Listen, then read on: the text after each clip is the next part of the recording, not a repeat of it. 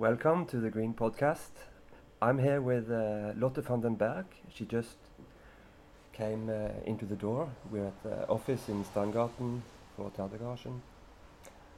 She's here with with a um, with a play or a piece about catastrophes, human catastrophes, and the Earth catastrophe.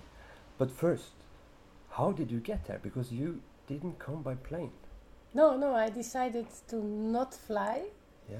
from Amsterdam to Bergen. Then there's different possibilities. A few of uh, the performers are traveling by train, but I could uh, join Ike in the truck because the truck was, of course, driving here with the set. Yeah.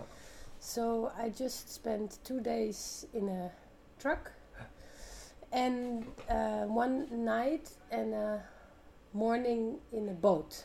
So I came with the boat from yeah, Denmark, to, to here, and I just arrived two hours ago in the harbor. It's so nice. Yes, So, it was very nice. Welcome to Bergen. Thank you. Because uh, we have just we have been discussing this a little bit also on the podcast that uh, uh, about, for instance, uh, like it's difficult to, to, to go around without flying, and for instance, or and we have discussed Jérôme Bel, who says no to any go to any festival, who invites uh, companies by plane, uh, but how should they then come from Asia or Africa to take part in Europe? Uh, and some say that uh, in a way this is kind of privatizing a democratic problem that should be solved politically, but uh, but it's really nice that you do an effort. Yeah, and we, we couldn't do it all. No? So we, but as a company, we decided to somehow. So in in total, I- think it cost us something like two thousand euro extra. Yeah. If we Yeah. would all fly, it's much cheaper, Yeah. and it the like you spend less time, so you don't have to pay more fee for the travel days. So uh, we decided to pay the extra costs for for Yeah. for train and then extra hotels, extra Yeah. séjour, but we didn't pay extra travel days. So that's No. also where it's so it's partly the company and partly partly also a personal decision. We somehow this is what we came up with. It's not ideal, but it's i it's a step in And- trying out how it could work. Yeah, and taking the boat. It's I guess it fantastic. was, it was fantastic. Yeah. Yeah, everybody should Yeah. actually do it. Yeah. And you, but you started with not flying is problematic. It's not Yeah, yeah, problematic. It only takes more time. No? Mm, It's Yeah. it's not difficult. no, No, my no, my journey was not yeah, difficult. mm. no, no, but it takes more time. Yes, The Green Podcast is very proud of you. Thank you so much. So, but the show, what uh, what is it about? It's uh, one night with uh, with it's two nights and it's different themes. Yeah, it's true. We we made it's a, it's a kind of diptych. Dying together, humans is the first part, and dying together, Earth is the second part. Dying Together Earth just had its premiere in uh, Bochum a few weeks ago, and Dying Together Humans we made uh, a year before. Um, and in both uh, performances, we somehow explored different situations of collective death. In the first part, the yeah, it's about uh, big groups of people dying Yeah. at the same time Yeah. together. Um, and in the part we just made, it's collective death not only of human beings but also of plants, animals, and ecosystems in a way. Yeah, yeah. Um, and and we wonder that maybe if we zoom in to these moments of collective death, um, these ways of dying together, that we could learn other things about the way we live together. This Yeah, is this yeah. is somehow our. This is what we try Yeah. to look at living together in a different way by zooming into dying together. Yeah. But uh, but this is also kind of uh, it involves the audience Yes. in a special way. Yeah. And it's uh, like is this some kind of like uh, theater as assembly that um, Marssaker talked Yes, about. Yes, I think it's an assembly Yeah, too. I felt yeah. very connected to what I was reading about. Yeah. It's a pity that I missed the talk. Um, but yeah, it's it's a way of assembling, and then I see the performance space as a space to think physically. So that's what I invite the audience to to to relate to these situations and all these different beings and entities involved.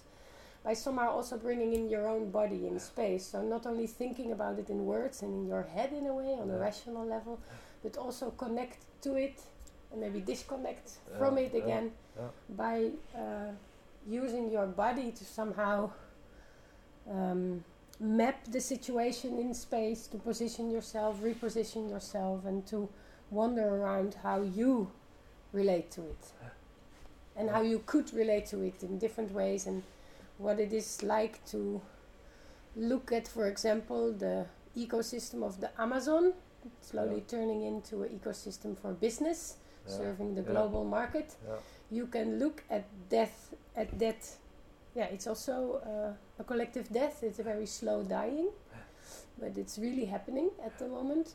And you can look at it from different perspectives no? Yeah, from yeah, the Nor- norwegian boy drinking soy milk yeah. but also uh, from uh, the harbor in rotterdam for example. It, it really it's it it, it uh, how do you say it? Um,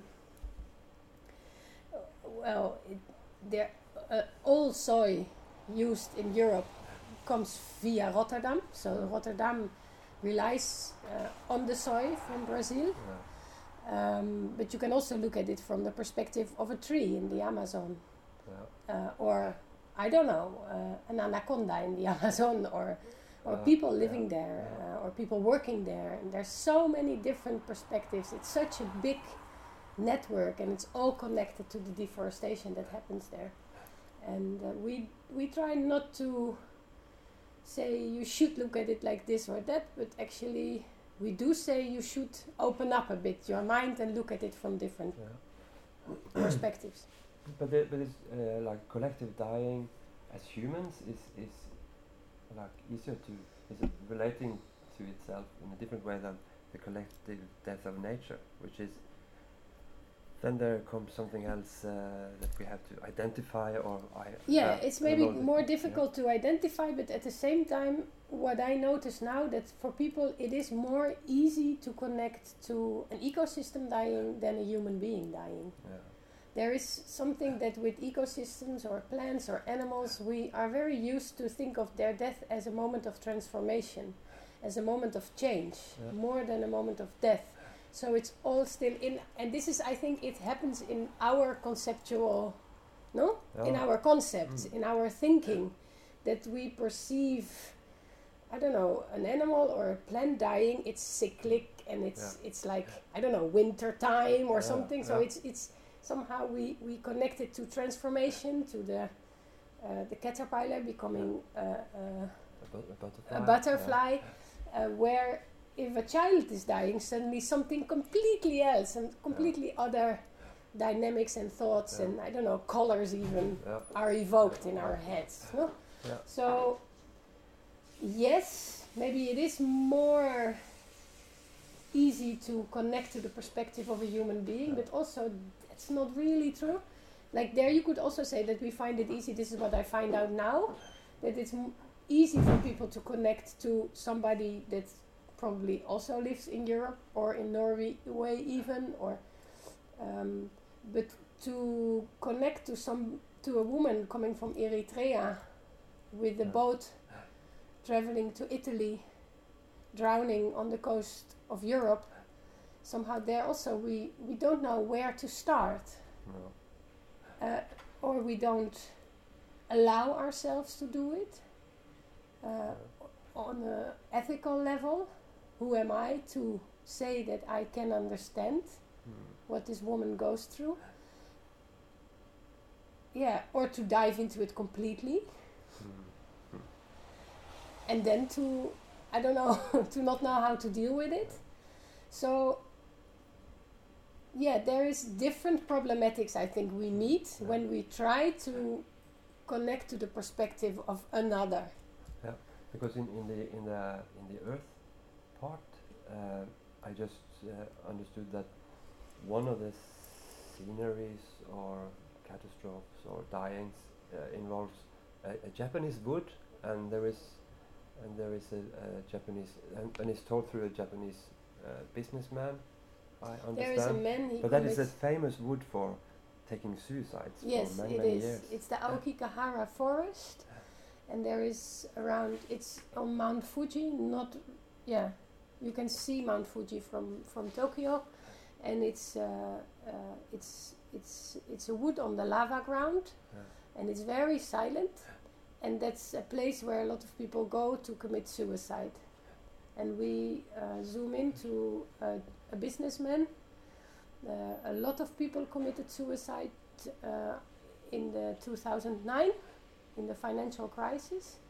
More, even, uh, really, way more. I don't know how it's in the rest of the world, but in Japan, uh, the the suicide rate was really way higher.